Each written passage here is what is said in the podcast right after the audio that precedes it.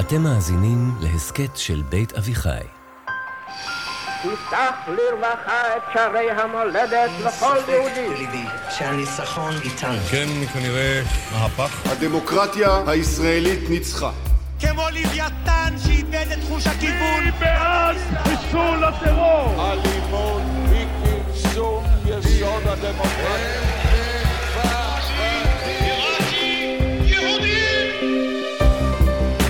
שלום, אני אפרת שפירא רוזנברג ואתן מאזינות ומאזינים לעונה השנייה של מפלגת המחשבות. ההסכת שבו יחד עם דוקטור מיכה גודמן, אנחנו צוללים אל עומק הרעיונות שמאחורי הפוליטיקה הישראלית. בארץ ישראל קם העם היהודי. בה עוצבה דמותו... בארץ ישראל קם העם היהודי, בה עוצבה דמותו הרוחנית, הדתית והמדינית. בה חי חיי קוממיות ממלכתית. בה יצר נכסי תרבות לאומיים וכלל אנושיים, והוריש לעולם כולו את ספר הספרים הנצחי. לאחר שהוגלה העם מארצו בכוח הזרוע, שמר לאמונים בכל ארצות פזוריו, ולא חדל מתפילה ומתקווה לשוב לארצו ולחדש בתוכה את חירותו המדינית. המשפטים המונומנטליים האלה שפותחים את מגילת העצמאות הם תמצית הטיעון הציוני. למרות שבגדול אנחנו חברת מהגרים, כולנו בעצם נולדנו כאן, ולאורך כל ההיסטוריה היהודית, אנחנו רק מנסים לחזור הביתה, אל המולדת שלנו. פלסטין היא מולדת העם הפלסטיני, היא חלק אינטגרלי מהמולדת הערבית הגדולה, והעם הפלסטיני הוא חלק מן האומה הערבית. המשפט הזה שפותח את האמנה הלאומית הפלסטינית הוא תמצית הטיעון הפלסטיני. הפלסטינים הם ילידי האדמה, הם נאחזים בה מאות שנים, והם חלק מהמרחב המזרח תיכוני הגדול. מבחינתם, אנחנו הפולש הזר מאירופה, שבמהלך קולוניאליסטי מובהק, מנשל אותם מאדמתם. אז מי מכאן ומי לא מכאן? מי נשאל את מי ומתי? ואיזה תפקיד שיחקה אירופה בכל התהליך הזה? שלום מיכה. שלום אפרת. אתה יודע, לאחרונה יצא לי um, להיות יחד עם איזושהי קבוצה באיזשהו כפר פלסטיני. ודיברנו שם ביהודה עם... ושומרון? ביהודה ושומרון. דיברנו שם עם איש מבוגר, פלסטיני מבוגר, שבמהלך השיחה מתישהו, כששאלתי אותו, תגיד, אבל למה אתה מתעקש? כאילו זה היה סביב, זה, זה איזשהו כפר שתקוע בלב איזשהו גוש התיישבות, והוא טען שכל הזמן מנסים להזיז אותם ולפגוע בהם. אמרתי לו, תגיד, אם היו מציעים לך לקחת את הכפר ולהעביר אותו פשוט כמה מאות מטרים לאיזה כיוון אחר, שהוא פחות יהיה תקוע באמצע התיישבות יהודית, למה שלא תלך? הוא התרגז. לא, הוא לא התרגז, הוא עשה לנו תרגיל. הוא שאל אותנו, תגידו, כל מי שנמצא פה, היינו, אני יודעת, משהו כמו 15 איש, שכל מי שיש לו סבא או סבתא שנולדו פה בארץ, תרימו את היד. מי מהנוכחים פה, סבא או סבתא, נולדו בארץ? וזה אנשים פחות או יותר בגילי, זאת אומרת, זה לא בגיל של הילדים שלי, שכבר שלושה מתוך ארבעה סבים וסבתות שלהם נולדו פה. אנשים פחות או יותר בגילי ומעלה, שלושה אנשים הרימו יד. אני ביניהם, אגב, סבתא שלי נולדה בארץ, בירושלים. אגב, אם הוא היה שואל עכשיו למי יש דור אחד אחורנית שנולדו בארץ, אף אחד לא אמר את היד. גם לא את. ארבעה דורות, זאת אומרת, לא סבא וסבתא, אלא סבא רבא. את גם לא היית מרימה את היד. לא. אבל, אז הוא הסתכל עלינו, אמר, תראו, אתם נמצאים פה, אין לכם אפילו שני דורות אחורה. אני, חמישה דורות אחורה. כל הסבים והסבתות שלי, לא שהם נולדו בארץ, הם נולדו כאן, בכפר כפר. הזה. אני חושבת שזאת תמצית הטענה הילידית הפלסטינית. אנחנו מפה, אתם לא מפה. אתם מאירופה. הוא כאן בכפר הזה 200 שנה, אני כאן שני דורות. הוא נטוע בקרקע, אני הגעתי לקרקע. זה החומרים שמהם עשויה הטענה הילידית הפלסטינית לעומת הכחשת הילידיות היהודית. עכשיו, עוד משהו מאירופה, שזה מרכיב מאוד חשוב בטענה הפלסטינית. בעצם מה זה התנועה הציונית? זה פלישה אירופאית אל תוך המזרח התיכון, שהכל מתנקז למילה אחת, לתופעה אחת. קולוניאליזם. קולוניאליזם. עכשיו, למה זו טענה כל כך חזקה? היום, באקלים העולמי היום, שיש בארצות הברית ובעיקר באירופה, קולוניאליזם זה פשע נוראי. והתחושות אשמה האירופאיות ביחס לקולוניאליזם ותחושות אשמה שאוכלות בהם מבפנים. זה הפשע, זה החטא הקדמון של אירופה וגם קצת של אמריקה. כן, זאת אומרת, אם הוא היה מטיח בנו בתחילת המאה ה-20, אתם קולוניאליסטים, אוקיי, זה עוד גאווה. ואז להגיד בעולם שבו קולוניאליזם זה חטא, להגיד שהציונות היא תנועה קולוניאליסטית, זה שכל האסוציאציות האנטי-קולוניאליסטיות שיש לאנשים היום, יישפכו על הציונות, ואת יודעת מה? זה מה שקורה היום אצל סטודנטים, בקמפוסים, בארצות הברית, באירופה, הם קונים את הנרטיב שקולוניאליזם זה רע, הם קונים את הנרטיב שציונות היא קולוניאליסטית, וככה האלרגיה לקולוניאליזם מנוקזת. היא הופכת לאנרגיה כלפי הציונות. זהו, אני גם אגיד, זה איזשהו חידוד פסיכולוגי, אני חושבת.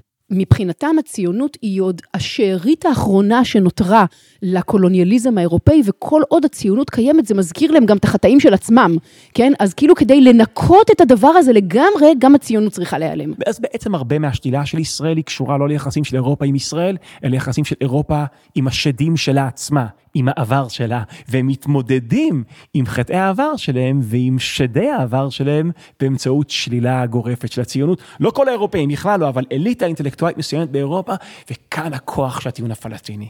לטעון שהם הילידים ואנחנו פולשים אירופאים, אנחנו חלק מהפרויקט הקולוניאליסטי. כן, אני לא בטוחה שהזקן בכפר שהייתי בו, הוא מנסה למצוא חן בעיני האירופאים, אבל פה יש איזשהו מפגש. יש פה מפגש כי הטענה הילידית הפלסטינית היא מאוד עמוקה בתוך התודעה הפלסטינית.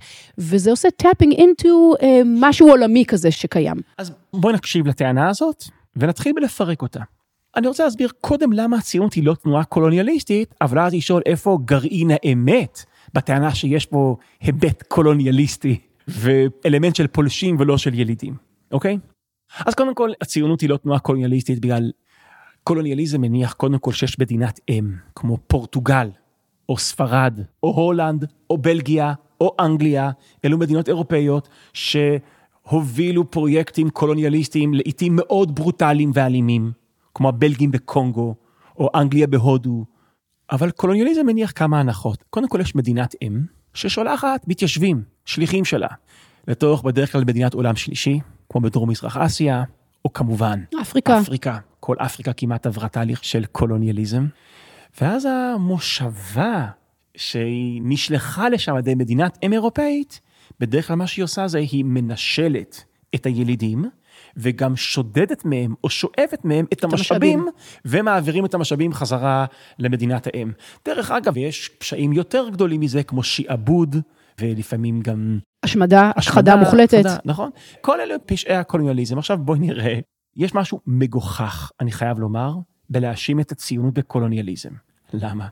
אם תשאלי את רוב הישראלים, האירופאים, האשכנזים, האם הם מרגישים שהם שליחים של אירופה? הם יגידו לך, אנחנו היתומים של אירופה. אנחנו פליטים של אירופה. וזאת לא תחושה סובייקטיבית של ישראלים, שהם לא נשלחו לפה על ידי אירופה, אלא הם ברחו לפה מאירופה. מ-day one זה היה המטרה של הציונות. עוד במדינת היהודים. עוד באירופה. 1896, הרבה לפני שמישהו העלה על דעתו שיש סכסוך ישראלי-פלסטיני. הרצל מנבא שהולך להיות אסון גדול באירופה, שדווקא במערב אירופה הולכת לפרוץ המפלצת האנטישמית. כמובן במזרח אירופה כבר יש פוגרומים, אבל כל זה הולך להתחמם ולהתחמם והיהודים צריכים לברוח מאירופה כמה שיותר מהר.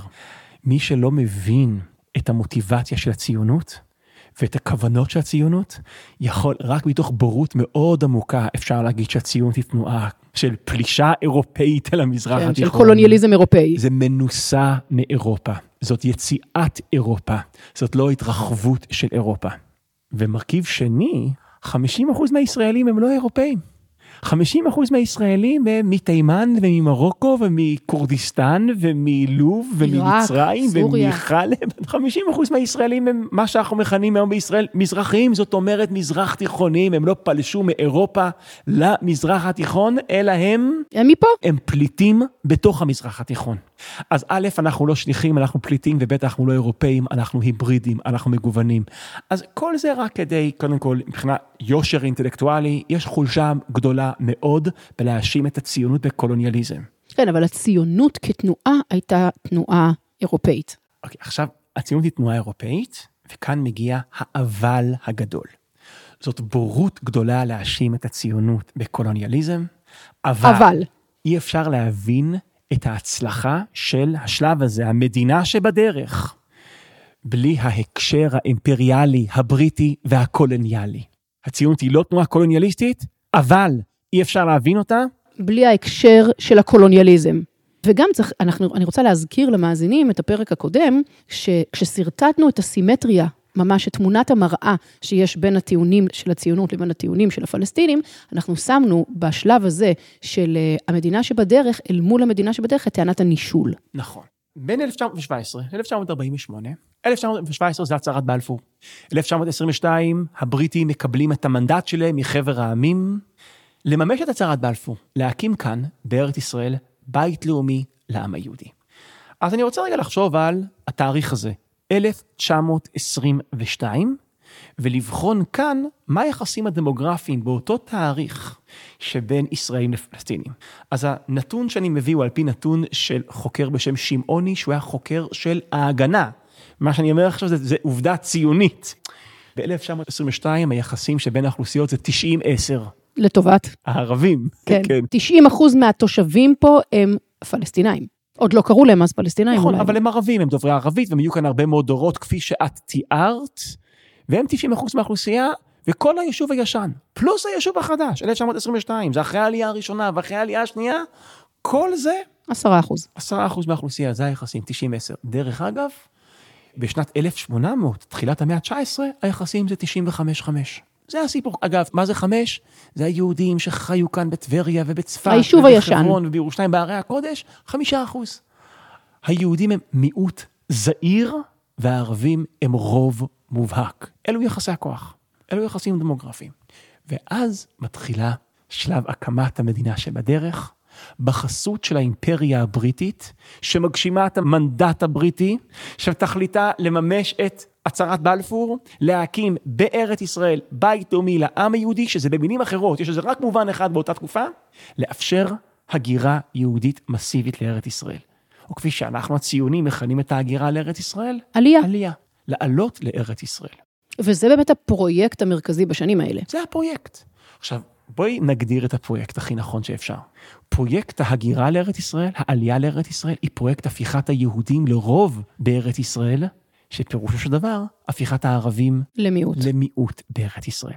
עכשיו, בזמן שאנחנו אוהבים עלייה ומעריצים עלייה, וחווים את קיומנו הלאומי כאן לעלייה, מנקודת מבט פלסטינית, מה זה עלייה? הם חוו את זה כפלישה. הם חשבו, הציונים באים לכאן בשביל לגרש אותנו, לסלק אותנו, להרוג, אלו הרבה מחשבות. אבל דבר אחד אי אפשר להכחיש. המטרה של הציונות הייתה להפוך את היהודים לרוב, כלומר להפוך את הערבים למיעוט. להפוך את הפירמידה הדמוגרפית. נכון. זאת ממש מטרה מוצהרת. ומי שהבין, מי שהיה לו אמפתיה קוגנטיבית עם נקודת המבט הערבית, היה דווקא זאב ז'בוטינסקי. אני רוצה להקריא לך דברים שכותב ז'בוטינסקי ב-1923. הרבה לפני שאנשים הבינו שהולכת להיות כאן התנגשות לאומית, זה לפני 48 ולפני המרד הערבי הגדול. אז ז'בוטינסקי מדבר על איזה אי הבנה, כנראה הרבה אנשים או מהיישוב, מהתנועה הציונית, חשבו שהסיבה שהערבים מתחילים לגבש התנגדות גדולה לציונות, ולעיתים אלימה כלפי הציונות, זה פשוט כי הם לא מבינים את הציונות.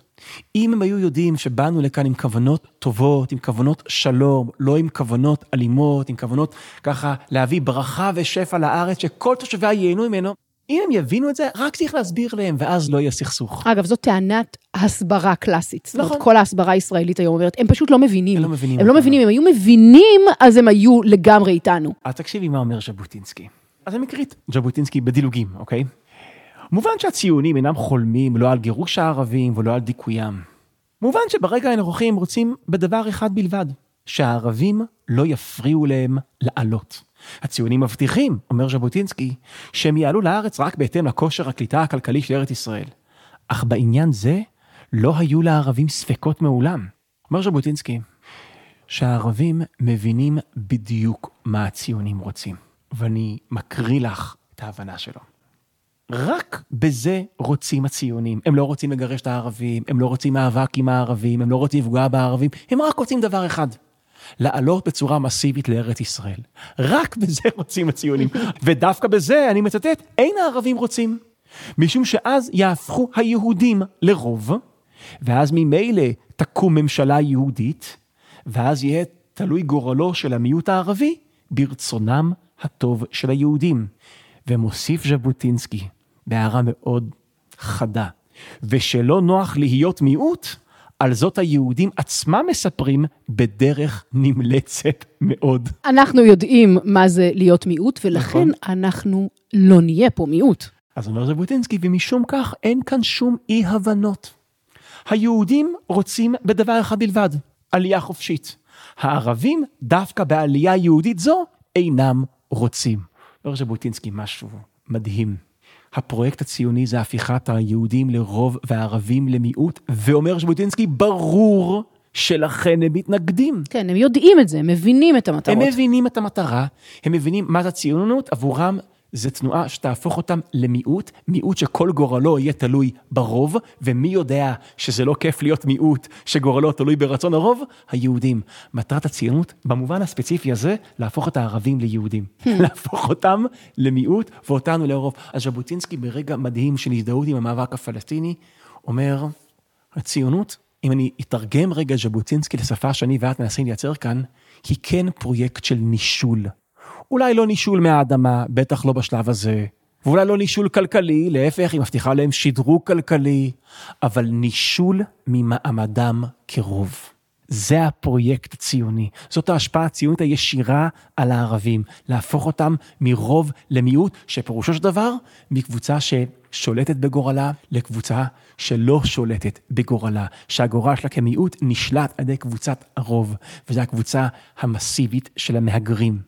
ואת כל זה התנועה הציונית יכולה לעשות בחסות המנדט הבריטי. נכון, היא לא יכולה לעשות את ההיפוך הדמוגרפי, או איך קראת לזה? היפוך? היפוך הפירמידה הדמוגרפית. בלי הסיוע של האימפריה הבריטית. האימפריה הבריטית כאן, והמנדט שלה, מפעילה את הכוח שלה, כדי לאפשר עלייה יהודית שתהפוך את הערבים למיעוט. בעצם כאן הגרעין של האמת, בטיעון, בטיעון הילידי והקולוניאליסטי. כן, שיש כאן פרויקט של הפיכת רוב למיעוט, שהוא רק מתאפשר בהקשר האימפריאלי הבריטי. האירופאי, כן. וזה גרעין האמת בטיעון, שהם הילידים, אנחנו הפולשים, והפלישה היא בחסות אירופה.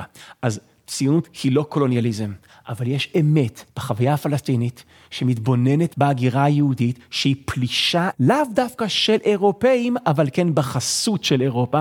ונכון, הם לא יודעים שהם חווים את עצמם כבורחים מאירופה, הם חווים את היהודים כשליחים של אירופה, אירופה עצמה, אירופה נוחתת לנו כאן על חופי הים. ומי שניסח את זה, אולי את התחושה הפלסטינית מאוד יפה, דני רובינשטיין, העיתונאי מעיתון הארץ, מתאר בספר שהוא כתב, ראיון נדמה לי שלו, עם פלסטיני. והוא שואל את הפלסטיני, הרבה אנשים הגיעו לכאן, כבשו אתכם ושלטו עליכם. הממלוכים, העות'מאנים, הבריטים, מי הכי גרוע? אז עונה לו הפלסטיני, אתם היהודים הכי גרועים. שואל אותו למה? זה אומר כי כל השאר האנשים שהגיעו לכאן, הגיעו לכאן כדי לשלוט עלינו, אתם הגעתם לכאן כדי להחליף אותנו. זאת החוויה. ואם אני רוצה לדייק אותה, מבחינה אובייקטיבית, הכוונה הציונית לא הייתה להחליף אותם במובן של לגרש אותם, הכוונה הציונית הייתה להחליף אותם במובן של להחליף אותם כרוב. כרוב. להפוך אותם למיעוט ואותנו לרוב. ב-1922 יחסים הם 90-10, אנחנו המיעוט. מטרת התנועה הציונית היא להפוך את היהודים לרוב ואותם למיעוט, במובן הזה להחליף אותם. והנה לנו כאן גרעין האמת בחוויה הילידית הפלסטינית, שמגיעים יהודים בחסות אירופאית להחליף אותם. לנשל אותם. כן. כן. אז עכשיו אני חושבת ניסינו, אני מקווה שהצלחנו גם קצת, להבין את הטיעון הילידי של הפלסטינאים, וגם את מה שעומד מאחורי ההתכה בציונות, שהיא בעצם מפעל קולוניאליסטי. אבל גם אנחנו, התנועה הציונית, הישראלים, מדינת ישראל, החברה הישראלית, הנרטיב שלנו הוא שאנחנו הילידים פה, ומה יותר טענת ילידות מאשר הפתיחה המונומנטלית של הכרזת העצמאות. בארץ ישראל קם העם היהודי, כן? זאת טענת ילידות, נכון. זאת הצהרת ילידות. אדמת ארץ ישראל היא המולדת, היא הולידה אותנו, אנחנו ילידים, אנחנו מכאן, אנחנו לא פלשנו לכאן. אנחנו מפה, אנחנו גורשנו ואנחנו שבנו הביתה. טענה פלסטינית, אתם פלשתם לבית שלנו? ציונים אומרים, חברים, אנחנו לא פולשים לבית שלכם, אנחנו חוזרים לבית שלנו. עכשיו בואי ננסה לבסס את הטיעון הזה.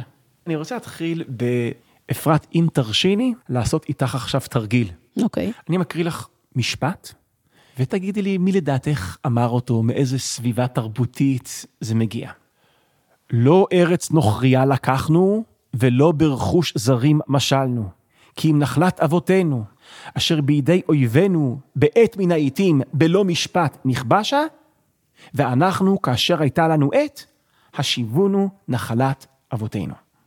מי אמר את המשפט הזה? כמו במבחנים של לא תנ"ך ארץ בבית נוכריה ספר. לקחנו, אלא חזרנו נחלת אבותינו. כן, זה כמו המבחנים בתנ"ך בבית ספר. מי מי אמר למי ובאיזה עניין. נכון, אבל מי, מי את חושבת אמרת את המשפט הזה? לא ארץ נוכריה לקחנו, חזרנו נחלת אבותינו, מי אמר את זה? לא יודעת, זה נשמע לי בן גוריון או ז'בוטינסקי, אתה כן. יודע, זה- כאילו, או זה כל ככה זה ציוני נשמע. טוב, מהמאה ה-20 כזה, נכון? זה... כן.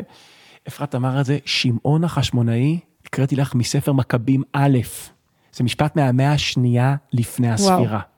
טענת הילידיות, אנחנו לא פלשנו לאדמה הזאת, אנחנו חזרנו לאדמה הזאת, לא נשמעה במאה ה-20, אלא נשמעה במאה השנייה לפני הספירה על ידי שמעון החשמונאי. ומה שיפה זה שכנראה שכבר במאה השנייה לפני הספירה, מישהו טען שאנחנו לא מפה. נכון. אז טענת הילידיות היא לא טענה מודרנית, היא טענה עתיקה. מה אומר שמעון החשמונאי? אנחנו היינו פה, מפעם. מפעם, אנחנו. שמעון החשמונאי הוא לא מפעם. שמעון החשמונאי אומר שאנחנו פה מפעם. נכון. יש פעם לפעם. טענת הילידיות זה לא טענה שהיינו כאן פעם, אלא גם כשהיינו כאן פעם, טענו שהיינו כאן פעם. פעם. זאת אומרת, זה משהו יפה, זה כיף לגלות שגם לעבר יש עבר. כן. גם במאה השנייה לספירה הרגישו שהיינו כאן לפני הרבה מאוד שנים, אנחנו מכאן. והנה ראייה חזקה, תחושת הילידיות שלנו, התחושה שאנחנו חזרנו הביתה, היא לא תחושה חדשה ומודרנית, היא תחושה עתיקה. זה שמעון החשמונאי עצמו. ועל מה הוא מדבר כמובן? זהו, מה העבר ששמעון החשמונאי מדבר מהו עליו? העבר של העבר? התנ"ך. התנ"ך. הטיעון, נכון, בן גוריון מניף את התנ"ך ואומר, זה הקושאן שלנו על ארץ ישראל. הרבה אנשים היום דווקא, עם כל רטוריקת ההדתה, לא מבינים את הטיעון הזה. כן, חושבים שזה טיעון דתי. זה לא טיעון דתי, בן גוריון לא דיבר על זה שאלוהים הבטיח לנו את הארץ, זה לא טיעון תיאולוגי. זה טיעון לאומי וזה טיעון ילידי. זו טענה, אנחנו היינו כאן לפני כולכם, והתנ"ך הוא נוצר כאן. הוא ראיה לכך שהייתה כאן ציוויליזציה עברית, דוברת עברית, והשורשים שלנו זה מהציוויליזציה ההיא שלהם. עכשיו, אם נעשה מתמטיקה, על פי התנ"ך, עם ישראל נכנס לארץ ישראל בערך גרוסו מודו 112 לפני הספירה.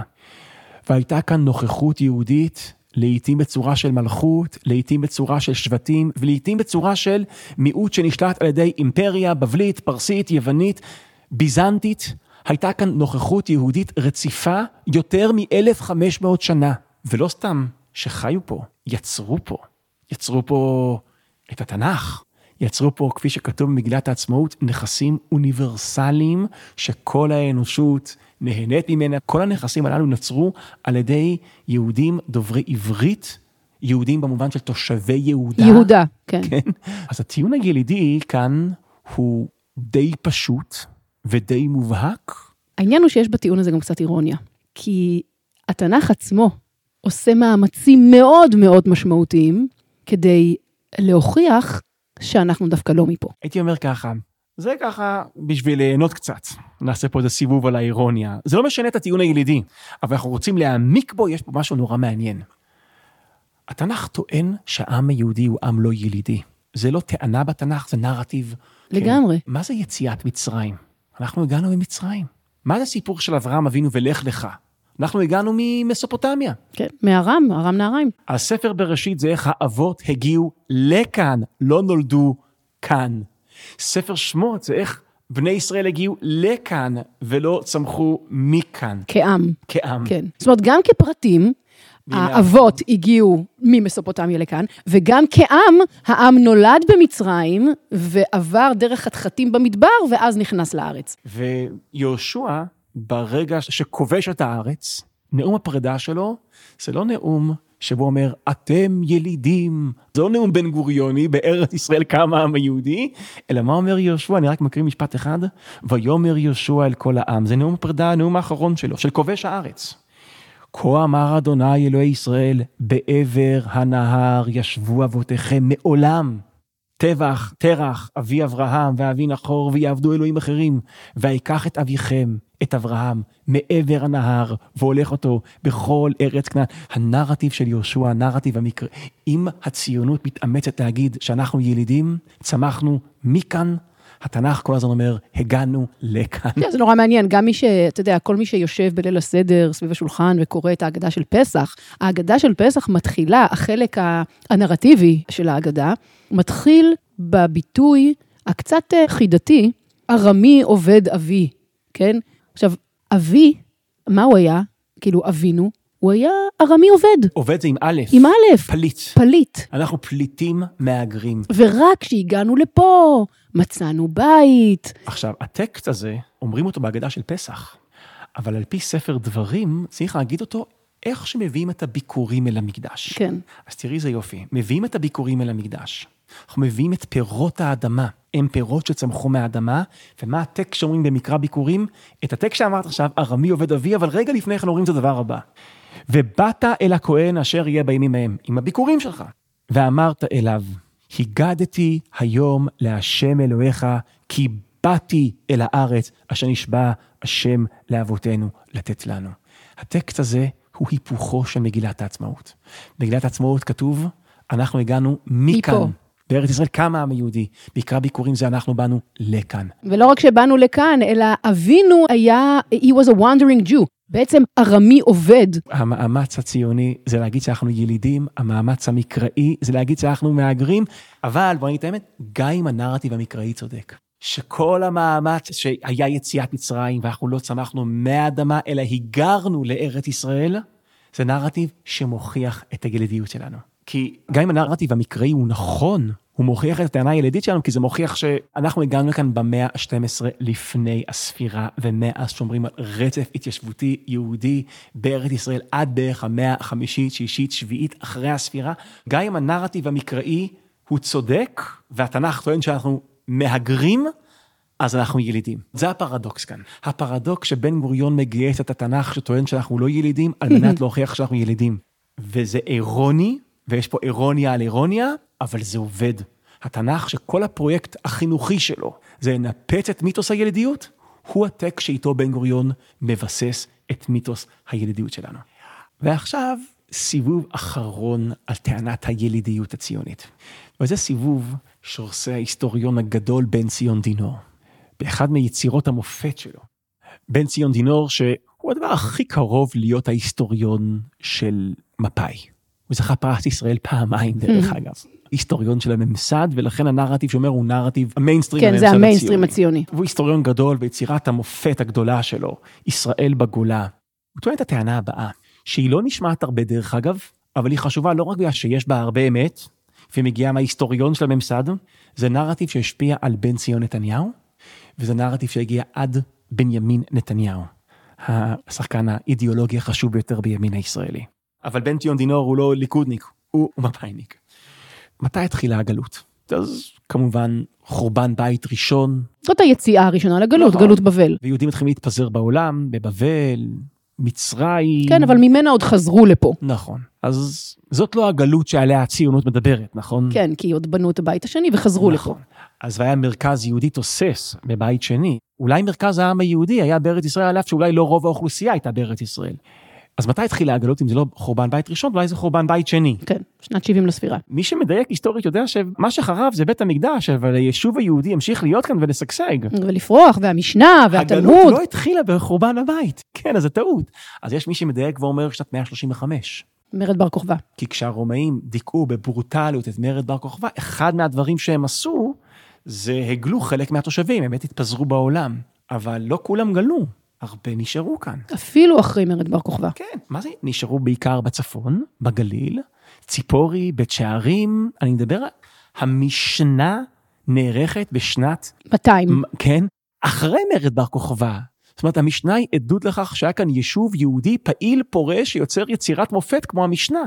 אבל גם יש אחר כך את התלמוד הירושלמי, זה כבר לא ציפורי וזה לא בית שערים, זה כבר בטבריה, אבל זה עדיין באזור של הצפון, יש ציוויליזציה יהודית. וזה שנת 400. זה כבר המאה השלישית לספירה, ויש מדרשי האגדה, יש כאן טביעות אצבע של פוריות יהודית בארץ ישראל, גם אחרי מרד בר כוכבא. פוריות אינטלקטואלית. פוריות אינטלקטואלית. כן, כנראה שפוריות אינטלקטואלית, גם פוריות פיזית, כי- נכון, כי היו יש פה אנשים. יש פה אנשים, והם חיים, והם כותבים, והם עושים. עכשיו זה נכון שלאט לאט מוקד הכוח עובר לבבל, והתלמוד הבבלי מביס את התלמוד הירושלמי, אבל עדיין יש כאן מדרשי אגדה, עדיין קורה כאן משהו.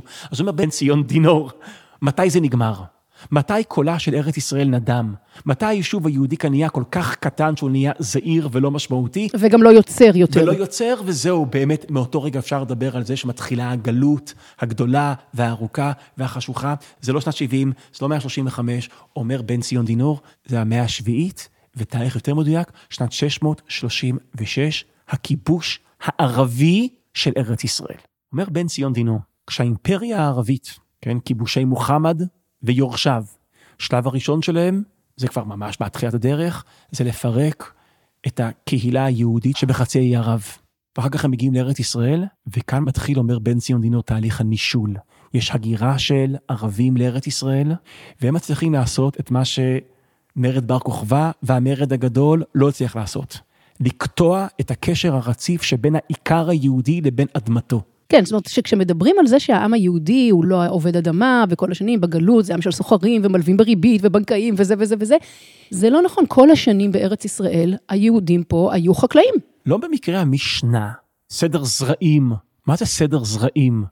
זה הלכות שרלוונטיים לחקלאים. הביקורים שהזכרת קודם, וה... כן, ואז יש את הכיבוש, ואומר בן ציון דינור, בעצם צריך להתחיל לדבר על הגלות, על סוף הנוכחות היהודית הויטלית בארץ ישראל, מאז הכיבוש הערבי. בום. זה ההיפוך שההיסטוריון דינור לכל הנרטיב. מסתבר, אנחנו הילידים. ומי הם הפולשים שנישלו אותנו מכאן? הערבים שהגיעו מחצי האי ערב, לכן קוראים להם ערבים. ערבים. הם לא מפה, הם, הם משם. מהגרים. ואיך קוראים לנו? יהודים. למה? כי המקור שלנו זה יהודה. להגיד יהודי הוא זר ליהודה, זה להגיד שיהודי הוא לא בבית במולדת שלו. אתה לא מהגר ליהודה, אתה חוזר ליהודה, זה הבית שלך. אבל הערבים לעומת זאת, הם מהגרים מערב. אז זה לא משחק מילים, זה לב הטיעון הציוני כפי שהוא מנוסח בצורה הכי חזקה, עוצמתית שלו, אצל בן ציון דינור, שאם הערבים טוענים שהם המקומיים ואנחנו הפולשים, הם מסתכלים על העולם מנקודת מבט של המאה ה-20. אבל אם אנחנו מסתכלים בפרספקטיבה היסטורית רחבה יותר, היה רצף התיישבות יהודי מהמאה ה-12 לפני הספירה עד המאה השביעית לספירה, ומי שנישל את היהודים מארצם זה הערבים. מסתכל בן ציון דינור, בתור היסטוריון פטריוט שמנסח את הנרטיב הציוני, מסתכל על הערבים ואומר להם, הפוך, אתם לא הילידים ואנחנו הפולשים, אנחנו הילידים, אתם הפולשים. אוקיי, אז אני חושבת שמה שניסינו לעשות בפרק הזה, זה בעצם לקחת את הטענה הילידית הכי חזקה הכי חזקה. של שני הצדדים. נכון. והתוצאה היא שיש סכסוך לאומי בין שני העמים שחווים את עצמם כילידים. בלשונות רבות מספור דיברנו, וזה את זה כמעט בכלל שלא הכרנו, ומקומות רבים מאוד עזבנו, ורק מקום אחד רצינו ואהבנו, ומקומות רבים מאוד עזבנו, ואל הארץ, אל הארץ באנו. אני אפרת שפירא רוזנברג, וזה היה עוד פרק במפלגת המחשבות. יש לכם מחשבות לאוורר או תובנות לשתף על הפרק הזה או על העונה הזאת בכלל? קהילת הפייסבוק של מפלגת המחשבות היא המקום בשבילכם.